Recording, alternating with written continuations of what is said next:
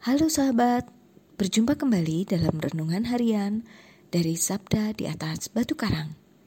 Bersama kami, Antonius Purbi Atmadi dari Paroki Maria Bunda Segala Bangsa, Kota Wisata, Keuskupan Bogor, dan Monika Tirta Wijaya dari Paroki Katedral Kristus Raja, Keuskupan Tanjung Karang.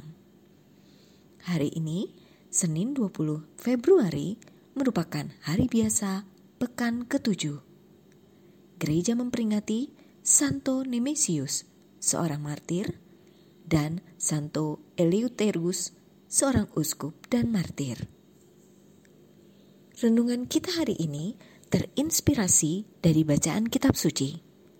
Bacaan pertama dari kitab Putra Sirak, bab 1, ayat 1 sampai dengan 4, dilanjutkan dengan ayat 6 8 sampai dengan 10.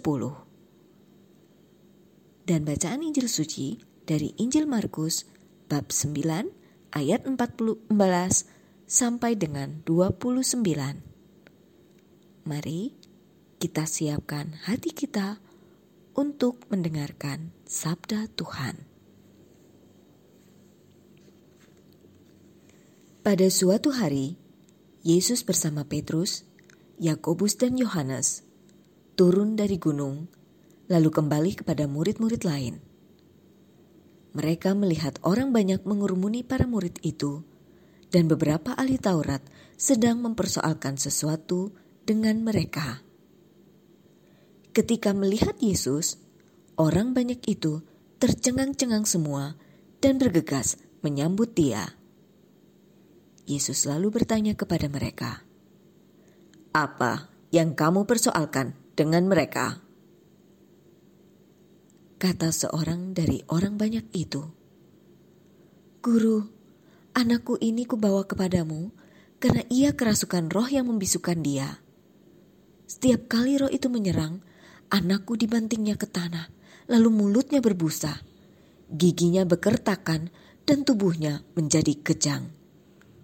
Aku sudah minta kepada murid-muridmu supaya mereka mengusir roh itu, tetapi mereka tidak dapat. Maka kata Yesus kepada mereka, "Hai kamu angkatan yang tidak percaya, berapa lama lagi aku harus tinggal di antara kamu? Berapa lama lagi aku harus sabar terhadap kamu? Bawalah anak itu kemari." Lalu mereka membawanya kepada Yesus. Dan ketika roh itu melihat Yesus, anak itu segera digoncang-goncangnya. Dan anak itu terpelanting di tanah dan terguling-guling, sedang mulutnya berbusa.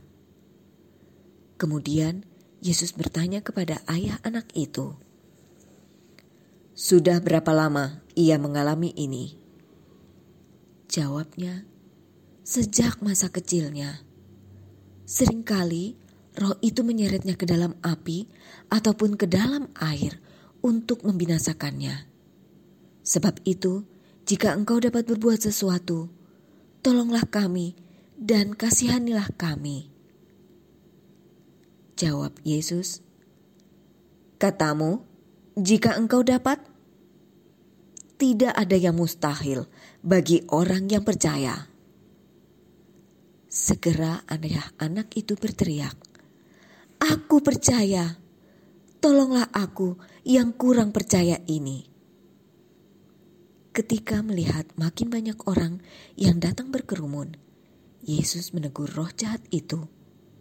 Dengan keras katanya, Hai kau roh yang menyebabkan orang menjadi bisu dan tuli, aku memerintahkan engkau, keluarlah dari anak ini dan janganlah memasukinya lagi. Lalu keluarlah roh itu sambil berteriak dan menggoncang-goncangkan anak itu dengan hebatnya. Anak itu kelihatannya seperti orang mati, sehingga banyak orang mengatakan, "Ia sudah mati." Tetapi Yesus memegang tangannya dan membangunkannya, lalu ia bangkit berdiri.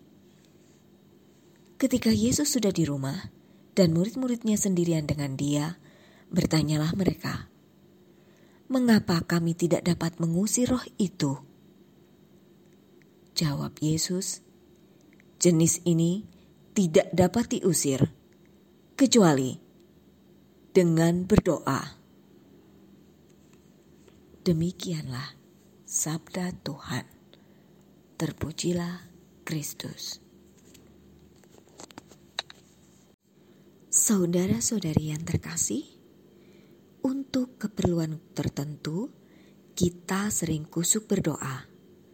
Tak kurang kita berdoa di tempat khusus seperti tempat ziarah atau perlu bantuan orang lain atau para santo dan santa untuk berdoa bagi kepentingan kita.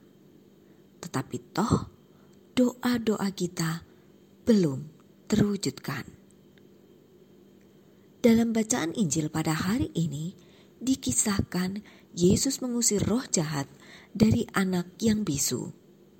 Sebelum meminta Yesus melakukan pengusiran roh jahat, bapak si anak tersebut sudah minta kepada para murid Yesus untuk melakukannya, tetapi mereka tidak mampu. Mengapa mereka tidak bisa mengusir roh jahat itu?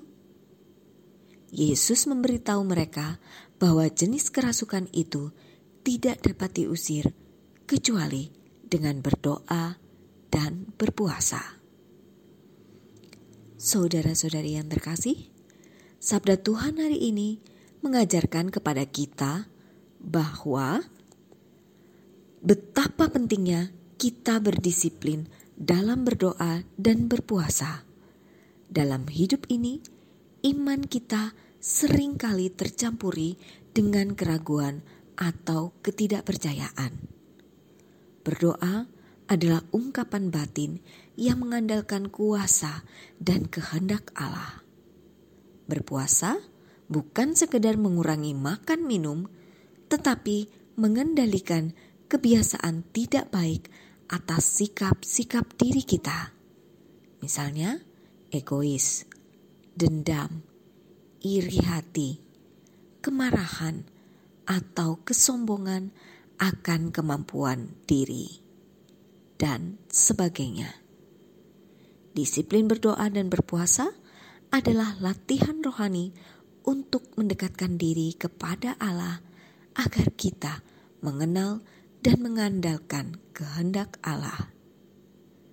Dengan disiplin dalam doa dan berpuasa, maka iman akan bertumbuh dan berdaya kuasa. Semoga Roh Kudus membimbing kita membangun sikap hidup disiplin dalam beriman. Ya Yesus, kuatkanlah imanku akan kuasa dan kehendakmu. Amin.